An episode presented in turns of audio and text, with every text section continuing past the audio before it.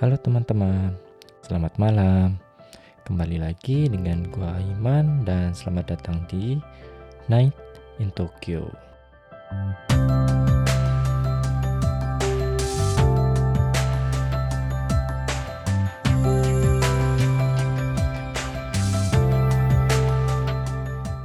Halo teman-teman, kembali lagi dengan gua Iman di Night in Tokyo. Gimana teman-teman? Dua minggu ini semoga kalian tetap sehat, tetap lancar juga kerjaannya, studinya juga lancar. Turut simpati juga buat eh, yang menjadi korban gempa di daerah Malang dan sekitarnya. Semoga kalian tetap sehat-sehat aja di sana, tetap baik-baik aja dan bisa recovery secepat mungkin. Amin. Terus teman-teman, uh, mungkin kalian udah gak sabar gitu. Setelah pembicaraan gua dengan Guinness yang di episode kemarin itu terpotong di tengah, jadi uh, lanjutannya gua bakal hadirkan di podcast kali ini teman-teman. Jadi tanpa banyak berbahasa basi lagi, mari kita dengarkan lanjutan perbincangan gua dengan Guinness dari episode sebelumnya. Selamat menikmati. Paling ketara itu memang ketika waktu pertama ketemu sih. gitu ya Iya. Kalau kita orang Indonesia tuh baru ketemu ketemu ya gitu kak kenalan. Emang pertama kayak ya kenalan siapa namanya siapa terus ujung-ujungnya kayak semuanya aja apa pun itu bisa diceritakan gitu loh. iya benar benar Nah itu benar. orang Jepang nggak mungkin banget kayak gitu gitu loh. ah iya benar ya Jadi kayak eh, nggak bakal dia cerita eh, Keluarga. keluarganya kayak gimana. Misalkan dia paling mentok-mentok tuh apa ya? eh sukanya apa gitu. Udah gitu doang gitu. Iya nggak sih? Hmm, iya benar benar benar benar. Sukanya apa, hobinya apa, udah Iya, selesai iya, gitu. Nggak bakal cerita tentang eh apa dulu SMA gimana gitu-gitu. kayak atau ini nggak sih juga apa ya rumah di mana agak Nggak, nggak mungkin, agak mungkin. Kojing Joho nggak gitu ya informasi di pribadi yang nggak mungkin dikasih tahu ke orang yang baru pertama kali ketemu gitu Pokoknya buat eh, buat kalian ya memang yang tertarik nih nantinya tinggal di Jepang atau yang lagi tinggal Jepang sekarang, pahamilah bahwa orang Jepang itu punya bubble. Udah itu gampang sih. sebenarnya. Hmm. Jangan sampai kita menginvasi bubble-nya mereka gitu loh. Jadi kita harus bisa pinter-pinter gitu loh. Eh, mana yang eh, apa ya aman untuk dibicarakan, nggak Hmm. mengganggu dia, Hmm. terus dia juga nyaman terus ya udah jadi pertemanan pelan-pelan pertemanannya jadi temen gitu kan. Hmm. jangan yang langsung nanya ngegas ini ini ini itu tuh. Kadang-kadang dia jadi ilfil kan. Iya gak sih? Iya ya kamu anak keberapa? Kamu punya berapa saudara? Itu orang tua kerja di mana? Iya orang tua kerjanya gimana ya be. Kayak Iya gitu, benar gitu. benar benar. Itu sih yang bisa dipelajarin. Ma tapi pergaulan gue kan kurang lebar ya man. Jadi ya ya mohon maaf lah ya kalau ya, kalau itu. gua sendiri juga apa ya waktu kita sekolah di TSB sendiri pun merek. eh, Oh, iya. oh ya pokoknya itulah nama sekolahnya Oke. Eh, karena gua itu cenderung kupu-kupu jadi kuliah pulang kuliah pulang Hmm. mostly gue juga nggak nggak terlalu kenal siapa eh tahu nama doang gitu tapi nggak deket deket juga dengan orang-orang Jepang yang di situ Iya. justru gue itu banyak ngobrolnya bukan di anak-anak orang Jepang itu gitu loh eh anak-anak kuliah Ah. itu gue malah banyak ngobrolnya di kalau lagi baito sih sebenarnya Oh, oke. jadi memang kadang kebetulan kan patternnya ada nih sebenarnya kalau baito Hmm. yang kerjaannya ngambil shift malam sama shift pagi tuh udah kebagi dua gitu. Ah loh. iya iya. iya. Jadi ketika kita misalnya kan gue karena nggak bisa shift pagi pasti ngambil shift closingnya kan shift malamnya. Hmm. Ya ketemunya orangnya itu itu juga gitu loh. Ah, Jadi iya, ya. pulang bareng ngobrol gitu-gitu lama-lama mungkin juga karena waktu itu anaknya juga terlalu muda gitu Oh. baru lulus SMA Iya, benar-benar. mungkin interestnya beda gitu loh Hmm. kalau hmm. waktu di Baito kan kayak diverse gitu loh ada yang kuliah ada yang memang nggak muda-muda banget gitu ada jadi kayak mungkin dia mungkin mereka sendiri lebih bisa bergaul juga gitu sih kalau di Baito gitu kalau di tempat kuliah apalagi mereka udah kayak membentuk geng gitu loh Hmm. terus gua sendiri mau masuk mau ngajak ngobrol di situ juga nggak enak ya ujung-ujungnya ya cuma kuliah pulang Atau teman-temannya sesama foreigner gitu ya? ah ya itu itu bisa juga kayak gitu atau sesama Indo gitu Iya benar. gua sih memang lebih lebih banyak temen Jepang itu justru dari Baito daripada Oh ini. dari di tempat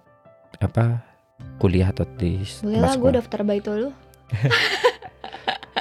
nyari Baitonya ju- juga harus ini sih Hmm. kalau misalkan kayak tempatnya kayak kafe gitu-gitu kayaknya bakal banyak anak muda terus Iya ya. bisa ngobrol Mhm.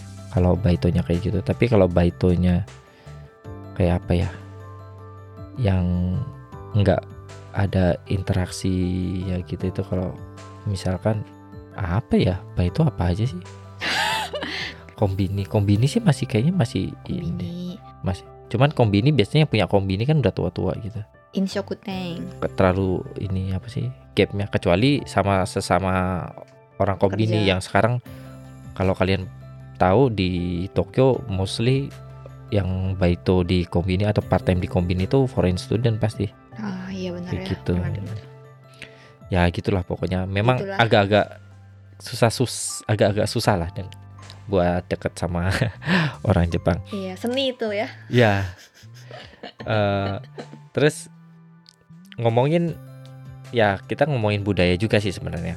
Oke. kayak di Jepang udah pasti budayanya beda dengan Indo. Nah, Hmm.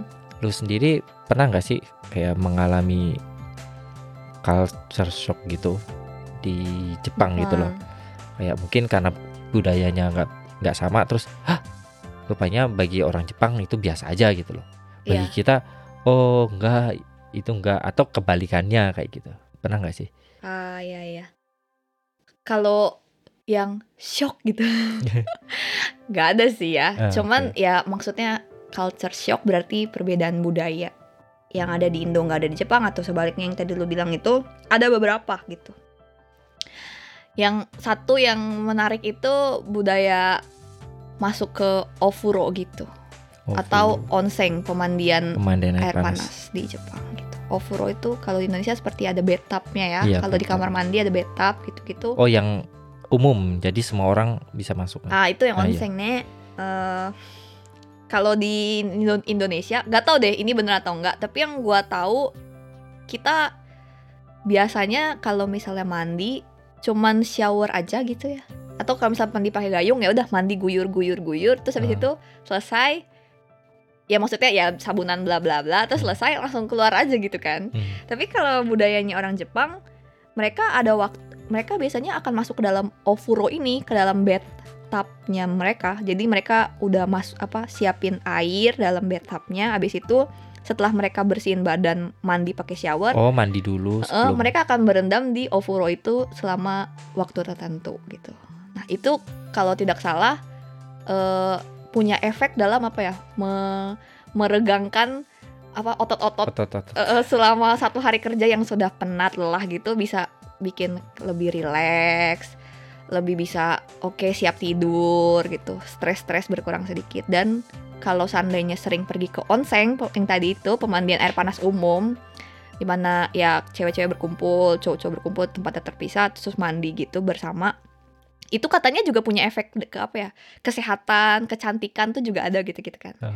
kalau di Indonesia kan selain yang tadi itu nggak ada budaya masuk ofuro setelah eh showeran, di Indonesia sendiri pun nggak ada budaya pemandian air panas rame, eh, maksudnya bersama gitu kan. Hmm. Dan maksudnya untuk buka baju, abis itu bareng-bareng sekumpulan perempuan atau sekumpulan laki-laki buka baju eh, masuk berendam bersama itu tuh malu gitu loh pertama kali dulu di Indonesia datang ke Jepang. Hah beneran ini gitu. Ini saling buka baju. Aduh kok malu banget ya. Aduh nggak mau nggak mau gitu. Nggak boleh ada pakai selai pun kan sebenarnya kalau masuk iya. onsen maksudnya. oh ya, ya basah kan gitu. Ya itu juga wow sih awalnya. Wah gitu. Tapi setelah itu paham lama-lama ah iya iya eh, apa ya kalau bahasa Jepangnya kimochi ga ii gitu Hmm. kimochi gitu. Oh iya emang enak ya perasaannya ya gitu. Terus setelah dipikir-pikir yang orang Jep mereka nggak akan saling memandang satu sama lain dan dan gua pun nggak memandang mereka gitu jadi basically semuanya fokus sama diri sendiri ya udah nggak usah malu gitu gitu kan lama-lama bisa enjoy dan malah pengen gitu eh pengen onsen gitu atau kayak ah nanti pulang ke rumah mau off-road lah gitu Karena orang Jepangnya sendiri nggak peduli juga gitu loh nggak sih? iya benar-benar. Itu kan cuma kayak eh, karena kita shock aja ya karena beda budaya terus kayak iya. kita sendiri yang insecure. Padahal orang Jepangnya ya telanjang aja buka baju buka baju terus mandi gosok-gosok nyemplung gitu kan. Iya, Terus kita yang baru pertama kali aduh telanjang nih terus Iya. banyak orang gitu kan Iya iya iya. Buka baju depan orang-orang gitu. Padahal nggak ada yang ngeliatin juga. Semua Iya. lagi sibuk pada buka baju, mau mandi semua gitu ya. Ngurusin bisnisnya masing-masing. iya ya benar, Ah. gitu sih. Yang menarik. tapi banyak sih memang orang Indonesia yang eh, nggak apa ya yang nggak terbiasa bukan nggak terbiasa sih kaget lah kaget lebih tepatnya dengan eh, kalau kita masuk ofuro atau pemandian yang barengan itu Hmm. Ya semuanya telanjang gitu nggak Mm-mm. boleh kayak baju kadang-kadang orang Indonesia ada juga yang nggak nggak mau gitu Iya benar benar benar. Hmm, karena gue pernah punya pengalaman gue waktu di sekolah bahasa itu pernah ikut kayak English camp gitu Hmm. dua kalian kalau nggak salah gitu Jadi kayak- Ah, Eh, kita jadi volunteer buat ya main lah bareng-bareng anak-anak Jepang yang ngobrol pakai bahasa Inggris. Gitu. Yang katanya belajar bahasa Inggris ceritanya Iya oke oke. tapi ya memang yang jadi volunteer itu kebanyakan kayak foreign student gitu loh Iya iya. Jadi kayak kita sama volunteer ini ngomongnya bahasa Inggris kan. Nah, itu karena biasanya itu tuh kayak eh, camp yang apa ya? Jadi kayak nyewa camp satu tempat gitu yang Oh, yang otomatis itu kan kayak di dorm gitu loh. Hmm. Dan kamar mandinya udah pasti satu gitu loh. Maksudnya Oke. satu cewek, satu mm, cowok mm, gitu loh. mm. yang secara nggak langsung eh, kita mandi bareng semua gitu loh. Nah, eh, memang beberapa beberapa waktu itu juga nggak kenal ya orang Indonya, apalagi yang pakai jilbab gitu loh. Hmm. Yang pakai jilbab itu udah pasti nggak mau Oh, oke, Mandi. oke. Bareng gitu, mungkin entah Hmm. malu atau apa segala Hmm, hmm. macam. Meskipun kalau itu kita ngomong di awal ke pengurusnya, dia akan nyediain kamar mandi sendiri Kamar juga gitu loh. Oh iya. iya. at least cuma buat shower doang gitu loh. Mm-mm.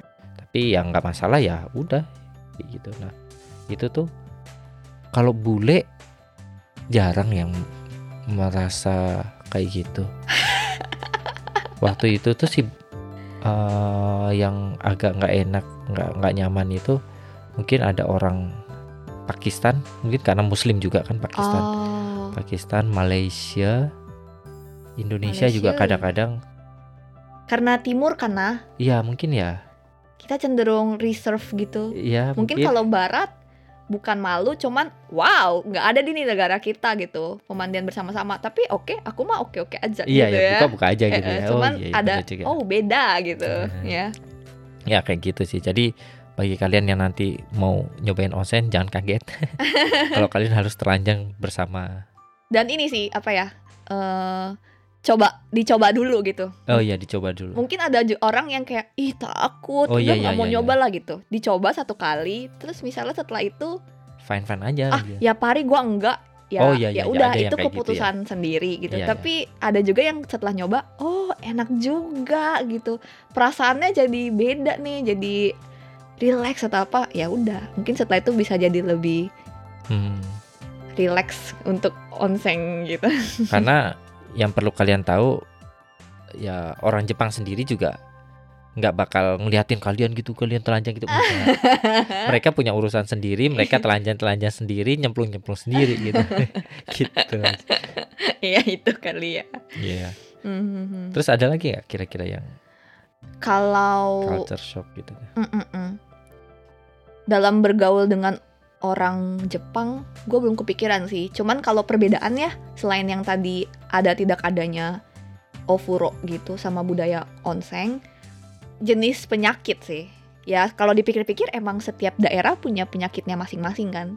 Tergantung dari negara misalnya negara nih iklimnya ya. eh, iklimnya negara tersebut, lokasinya itu ada di mana, eh, lalu apa sih ketinggian satu daerah itu dari laut kan juga Hmm. jelas-jelas jenis penyakit yang ada beda kan gitu.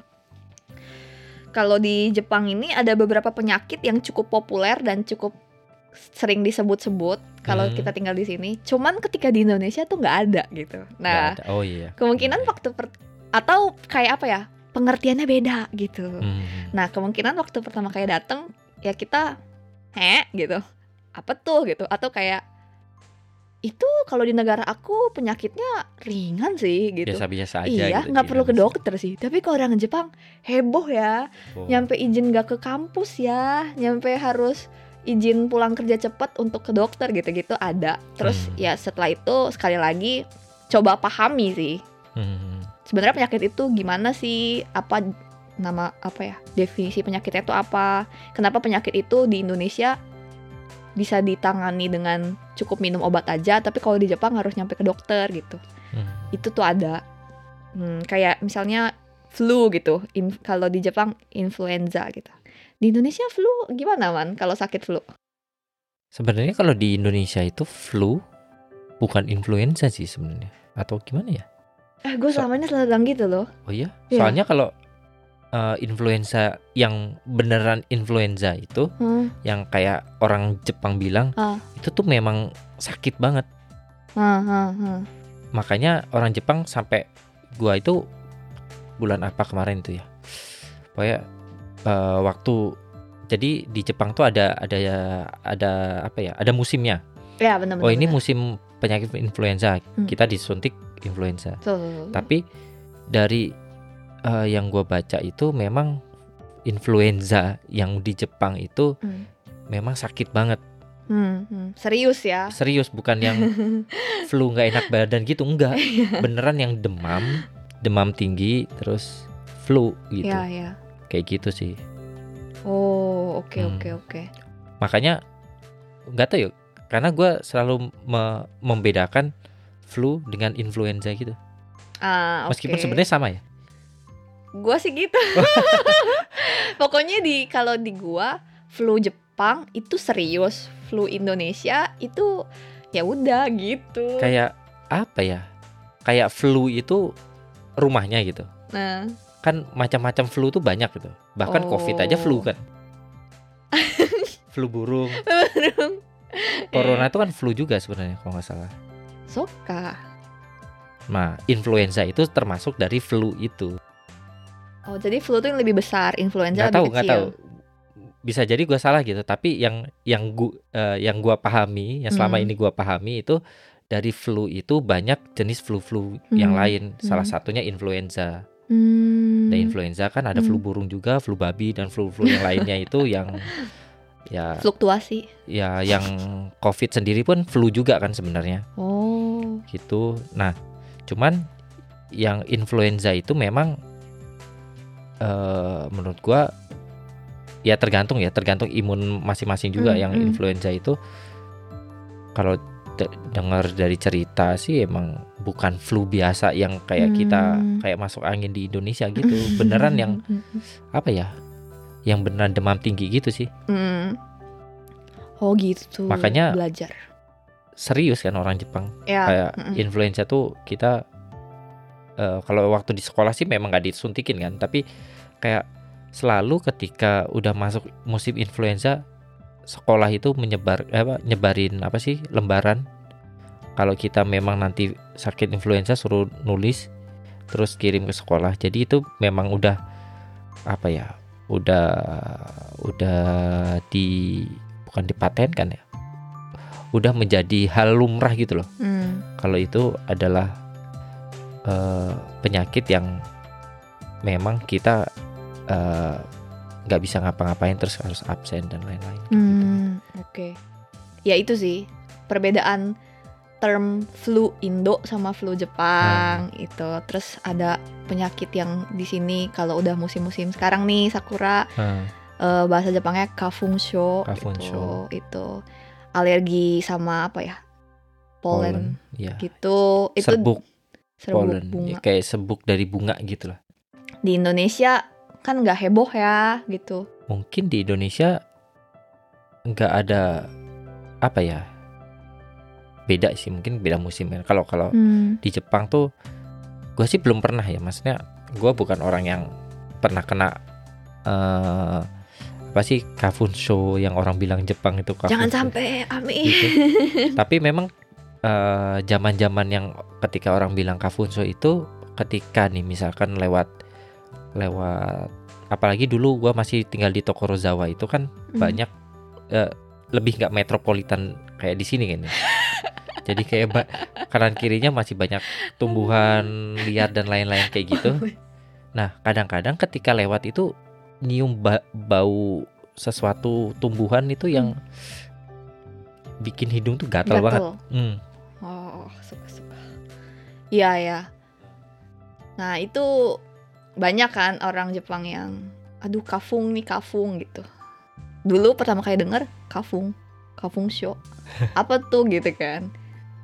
Oh iya iya iya waktu pertama kali datang Iya, Jepang. habis itu baru tahu oh ternyata kafung show ini alergi terhadap serbuk bunga. Biasanya terjadi eh banyak mulai bermunculan dan mulai parah-parahnya itu ketika musim-musim. Contohnya sekarang bunga sakura lagi mekar gini-gini. musim apa ya, semi? semi Iya. gitu ya gitu, gitu oh gitu ya di Indonesia kan nggak ada jadi Hmm. itu juga satu yang wah gitu Dan itu parah kan sebenarnya. ya ya benar benar benar benar puji Tuhan belum sih saya jangan Soalnya- jangan. Eh, dulu gua nggak tahu mungkin lu juga gitu loh. Ah. Ketika mendengar eh, kayaknya orang Jepang serius banget ngomongin kafun gitu kayak kayak segitu apanya ya segitu tersiksanya gitu kena Iya. kafun Mm. cuma alergi doang gitu Hmm. dan lain-lain kayak gitu terus eh rupanya ketika orang Indonesia sendiri yang Hmm. memang akhirnya tinggal lama tinggal lama di Jepang itu bisa kena juga kenal juga benar dan kata dari testimoni mereka cerita Testimoni. jadi cerita mereka itu beneran menyakitkan Ah. karena pertama yang paling mengganggu itu karena katanya Hmm. kata mereka gua nggak pernah kena soalnya eh apa air ya dari ingus. Oh iya ingus. Oh my God. ingus itu nggak berhenti berhenti Hmm. terus sampai saking saking pedihnya kayak sampai air matanya tuh juga keluar gitu. Ah, ah, ah, ah. temen pernah pernah tahu nggak temen? Kena kafun kayak gitu? Ada ada ada beberapa teman-teman yang udah kena gitu. Terus ya biasanya mata mereka merah oh. sampai harus pakai kacamata gitu. Terus apa ya eh, bukan cuman hidung atau mata nyampe nodo juga daerah Oh, tenggorokannya bisa super apa ya sakit ya? Pernapasan atau gimana gitu. gitu mungkin hmm. kayak batuk sih. Kalau di Indonesia kan ada kayak eh, penyakit flu. Bukan ya sejenis flu gitu ya kayak eh, ada dahak di tenggorokan. Jadi tenggorokan itu panas kayak gitu. Terus batuk aja kerjaannya batuk. Oh, oh, oh, oh, gitu. Kasihan lah pokoknya kalau dilihat sedih gitu. Terus ya berdoa eh, ya semoga saya tidak kena gitu. Dan itu cuma di Jepang kalau nggak salah. Oh gitu? Mungkin. Kalau nggak nggak tahu orang-orang orang bule sendiri pun juga baru tahu ada kafun itu di Jepang? Ke Jepang. Mungkin ya. Oh. atau karena atau cuma di negara yang empat musim gitu. Soalnya kalau di Indonesia sih di logikannya di logikakannya kan humid kan? Hmm. Eh kalaupun ada apa sih namanya? Serbuk. Serbuk-serbuk kayak gitu kan? Bertebang berterbangan jadi nggak bertebangan gak sih? Hmm. karena terlalu lembab. Ya nggak kering ya? Nggak kering. Nah kalau di Jepang kan kering makanya dia serbuk-serbuknya jadi kering terbang kena hidung cep gitu. Cep, kena- oke. Kayak gitu. mungkin ya itu mungkin cocok lagi cocok logi aja. Kayak gitu. Jadi kita podcast tentang kafung ya. Kafun. Buat kalian yang nggak tahu kafun itu ada eh, tiga kanji ya? Sosok Kafun kafung show. show. Oh, oh. Tiga kanji kalau bahasa Jepang itu ada tiga kanji Mm-mm. kanji pertama itu artinya bunga ya artinya bunga yang kedua kona serbuk, Serbuk. gitu serbuk terus yang ketiga itu sakit ya jenis penyakit jenis penyakit jadi penyakit yang diakibatkan serbuk bunga. So, Mungkin terlihat menggelikan ya bagi kalian, tapi ya atau kayaknya kok ya udah nggak segitu seriusnya gitu. gitu. kadang eh dulu gue abis gue berpikir kan dulu, ini orang Jepang segitu lemahnya ya penyakitnya banyak banget, tapi eh, nggak nggak heran juga sih karena memang di negara empat musim penyakitnya jauh lebih banyak nggak sih menurut gue ya Hmm, kayaknya. bisa jadi. Makanya di Indonesia kalian cukup ber apa ya Bersyukur. bersyukur ya cukup bersyukur karena eh, hidup di negara empat musim itu bertahannya lebih susah sih. Kayak Hmm, gitu. Nggak empat musim itu bukan musim yang memanjakan manusia menur- menurut ah, kalau di Indonesia kan musimnya kita sangat dimanja gitu. Ya duren. ya. Musim gitu. duren. jadi Oke. kan itu culture shocknya. Oh, so- ini udah menjelang penutupan. Jadi kita jadi gue pengen tanya sih sebenarnya Hmm. eh, sejauh ini udah tinggal lama di Jepang se apa sih sebenarnya hal yang paling lu nikmatin gitu loh? Tinggal di Jepang yang memang mungkin mungkin ya mungkin ya. Ini cuma di Jepang doang gitu loh. Nggak Ah, ada nih iya, di iya. Indonesia gitu. Ya meskipun gue yakin lu pasti kangen pulang tapi apa sih hal yang paling lu nikmatin ketika lu tinggal lama di Jepang Kalau untuk gua eh kehidupan yang serba teratur, rapi, aman ah ya aman itu penting. itu satu yang sangat patut disyukuri gitu Hmm. selama tinggal di Jepang. Em, teratur dari ya tadi pendidikan, seberapa teraturnya mereka dalam membuat sistem, eh, keteraturan dalam transportasi umum, kereta atau bus itu teratur. Eh, masalah apa ya mengendarai mobil atau motor cenderung lebih tahu aturan daripada Etika. orang etika di Indo- Indonesia gitu. Lalu rapih, kerapihan baik di dalam transportasi umum Hmm. atau eh apa namanya fasilitas umum rapi dijaga mereka apa ya pemerintahnya menjaga masyarakat juga menjaga ada perasaan untuk saling menjaga bersama-sama Hmm. eh, sampah-sampah juga nggak berceceran, rapih gitu, enak dilihat mata.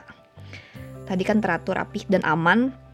Apa ya, pencurian lah, Ya. atau penculikan lah, itu kecuali eh, orang sakit ya sakit quote unquote sakit. itu jauh lebih minim kah Hmm. di Jepang daripada Indonesia atau eh, iya jadinya bisa kayak apa ya kita misalnya mau eh, na- mau beli makanan nih sebut di satu restoran. Terus kita mau jaga bangku kita dulu nih kita mau book kasarnya. Kita bisa dengan sangat yakin taruh tas yang isinya mungkin ada barang-barang berharga lalu kita ke counter untuk pesan makanan. Kemu- kita sangat karena kita tahu nggak akan bakal ada yang ngambil. So nggak akan ada yang ambil gitu. Atau budaya naik kereta kalau Indonesia taruh tas di depan kan. Oh iya. Karena pencuri lah maling HP maling dompet apa gitu. Di Jepang nggak ada gitu. Atau ada satu satu persen kah di bawah satu persen kah?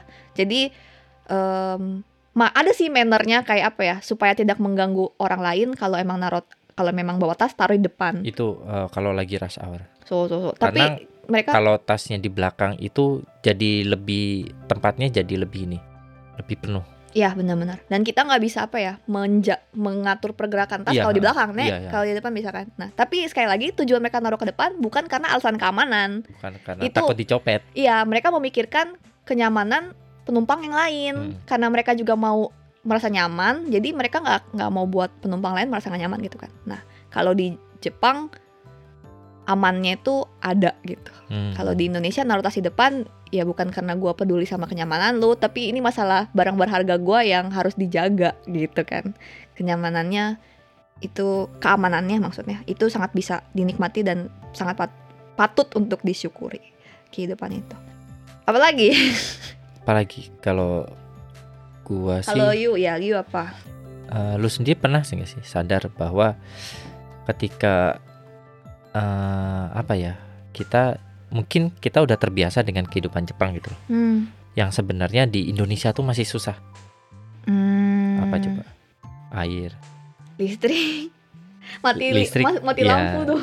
Tadi listrik, listrik nih. gas. Itu penting sih sebenarnya. Listrik, Ah. air, gas. Basic. Basic kan. Hmm. Kita eh, mau mandi air panas pun pakainya gas. Dan gasnya itu Hmm, bukan hmm. gas yang apa sih kayak LPG yang digotong gede gitu karena Ah. semua udah terintegrasi gitu loh. Yap. Di dalam satu apartemen udah pasti ada saluran gas. Jadi Hmm, kita ya tinggal bayar gas doang gitu. hmm, hmm. Terus kayak air eh di secara di Indonesia kadang-kadang air masih susah, Hmm, kalaupun keluar warnanya kuning. keruh. hmm, Keruh. hmm, hmm. Di Indonesia eh, di Jepang kita mandi dengan air yang bisa diminum. Seperti minyak ya, ada Iya, kan? ada minyak yang bisa diminum ya. Kita mandi dengan air yang sebenarnya itu bisa kita minum. Yap, aman untuk Kayak diminum. gitu. Ya benar benar benar benar. Hal-hal kayak gitu sih mungkin karena memang sistem di Jepangnya udah sangat rapi gitu kan. Ya. Nah, ya, itu ya. tuh kadang-kadang gua kayak oh iya ya di Hmm, Indonesia hmm. air masih susah gitu. Kayak gitu-gitu sih. masih ada gejala mati lampu. Iya, gejala mati lampu. Aduh, iya benar sih. Kayak gitu. Terus internet hampir nggak pernah mati. Hmm. Hampir ya mungkin pernah tapi nggak se kayak apa gitu internet di Indo kan masih naik turun dan lain-lain Hmm, itu. hmm, Di Jepang masalah infrastruktur sih sih udah sangat nyaman banget sih Hmm. dinikmati. Gitu. Oh, iya ya. Jadi inget mengucap syukur. Iya iya kayak bide juga ketika pulang ke Indonesia kan kayak ya bide gitu. Iya bide gitu. Bide itu yang kalau kalian datang ke Jepang di toilet Jepang tuh suka ada semprotan dan lain-lain itu namanya bide. Iya iya benar. Kalau di Indonesia ada semprotan yang semprotan yang di yang pakai tangan kita harus gitu. Cuman iya. kan itu apa ya? Arahnya harus bisa aja nanti kena baju atau celana. Oh iya. Iya benar-benar. Kayak gitu. Iya itu juga air panas juga ya. Air panas. Tinggal pencet aja udah langsung nyala bisa udah dinyala. nyala. Karena kalau di Indo kan mungkin ya orang yang pakai air panas itu banyak yang pakai listrik. Hmm. Meskipun ada yang gas kompor juga kan. Tapi biasanya yang pakai listrik itu ya udah paling cuma berapa saat airnya udah bukan hangat lagi. Ya. anyep dingin enggak anget enggak kalau kalau di Jepang selama kalian tahan bayar tahan bayar gasnya nyalain aja air panas nggak bakal nggak bakal mati ngerti nggak sih? Iya. Iya, kayak gitu. Kayak gitu. Eh. gitu teman-teman. Hmm. terus eh, lu sendiri nanti gimana sih? Hmm. kan ini udah tahun ketiga. Terus nggak sukatsu juga kan? Nggak maksudnya nggak nggak cari nggak cari kerja juga Iya. atau atau nyari kerjaan atau gimana Nah, Em, setelah lulus nanti kalau ditanya sekarang, jawaban gua itu gua masih pengen lanjut S2 hmm oke ya. di Jepang atau Untuk sekarang Jepang kali ya. Sebenarnya pengen gitu lanjut ke em, Amerika misalnya atau UK yang apa ya?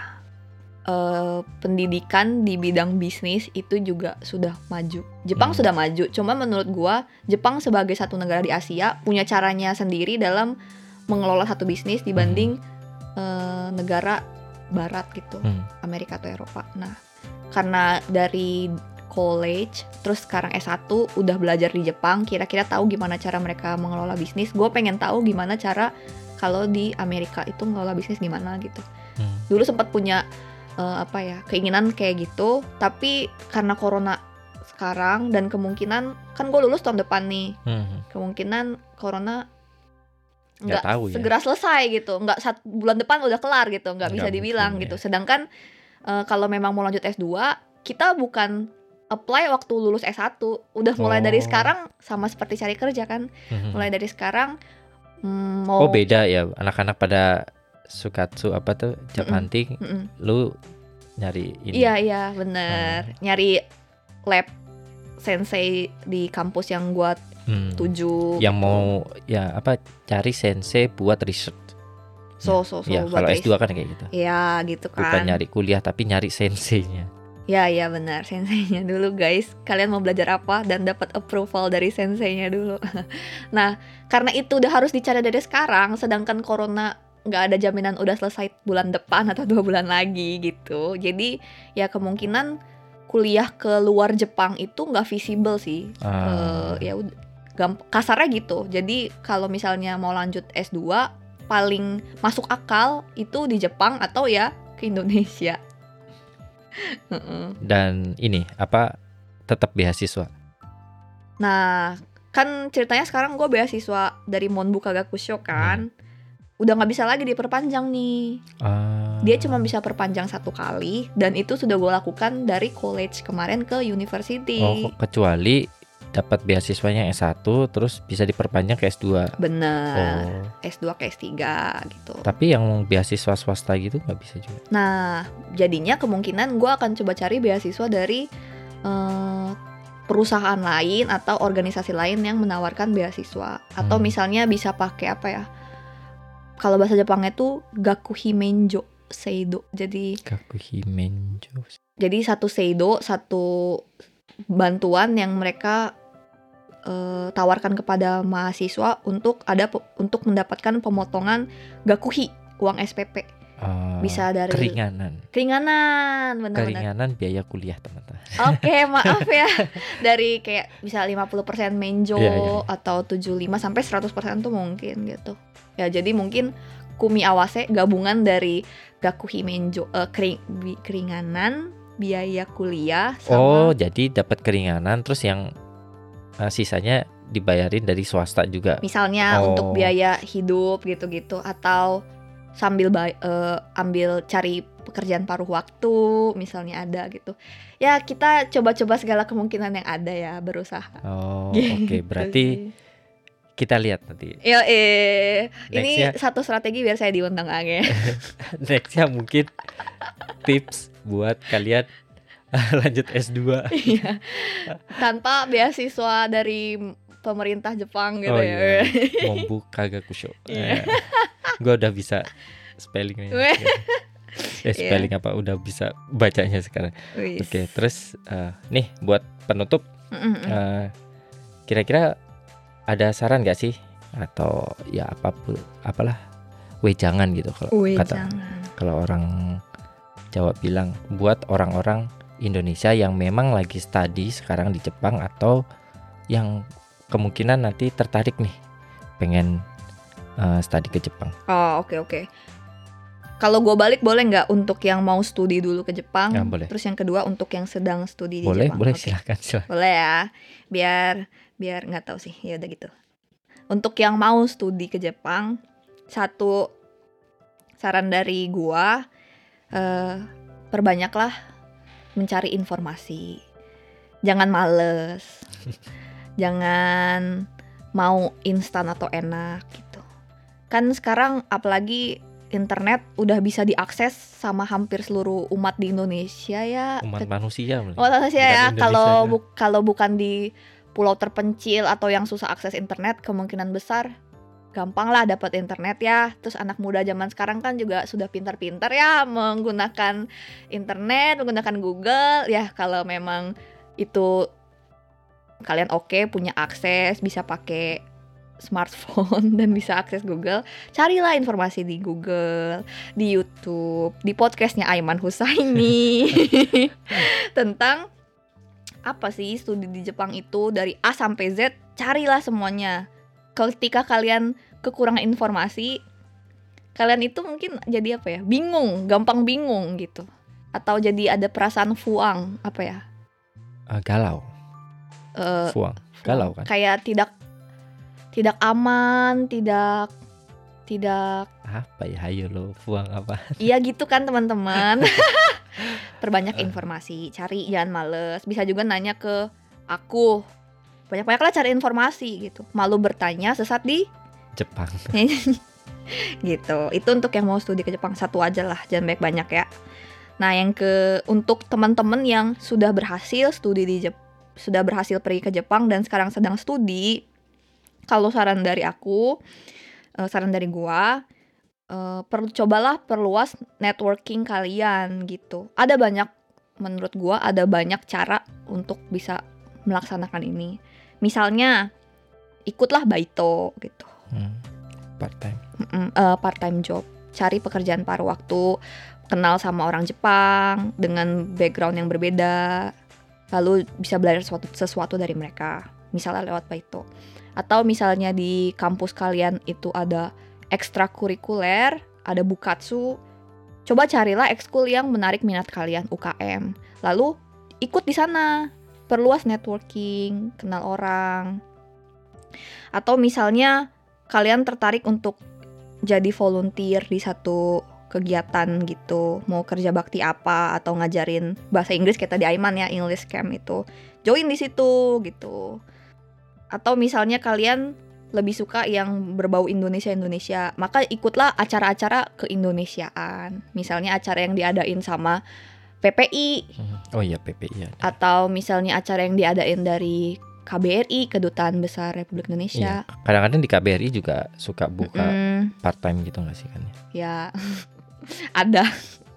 ya kayak gitu. Banyak lah caranya. Kalian bisa kemungkinan tak terbatas gitu. Menurut gua eh, perluaslah apa ya hubungan pertemanan kalian dengan sebaik mungkin orang gitu. Pasti nggak akan rugi gitu. Walaupun mungkin nggak sekarang bisa dapat benefitnya gitu karena Ya lumayan juga eh, buat pengalaman masa kalian kadang-kadang sayang juga gitu kan udah Iya. jauh-jauh tinggal di kupu-kupu ya. Kupu-kupu. Kayak gitu. Aduh. Hmm. Gitulah teman-teman. Oke, eh, mungkin karena udah sangat panjang ini pembicaraannya, Ya, udah nggak terasa. Jadi sekian dulu buat tadi kan pertanyaan tadi itu adalah sebagai penutupan. Jadi kayak gitu ceritanya si Guinness yang masih mahasiswa di Jepang kayak gitu. Pokoknya ceritanya kayak gitu gimana apa ya namanya eh, kuliahnya terus Hmm. tambah ada corona dan lain-lain Hmm.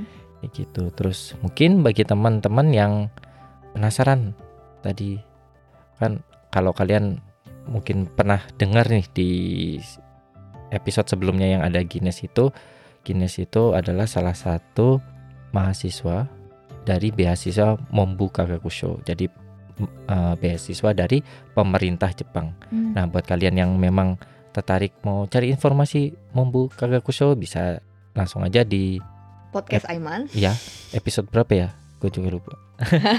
ada pokoknya di season 1 cari yang ada gambar Guinnessnya gitu.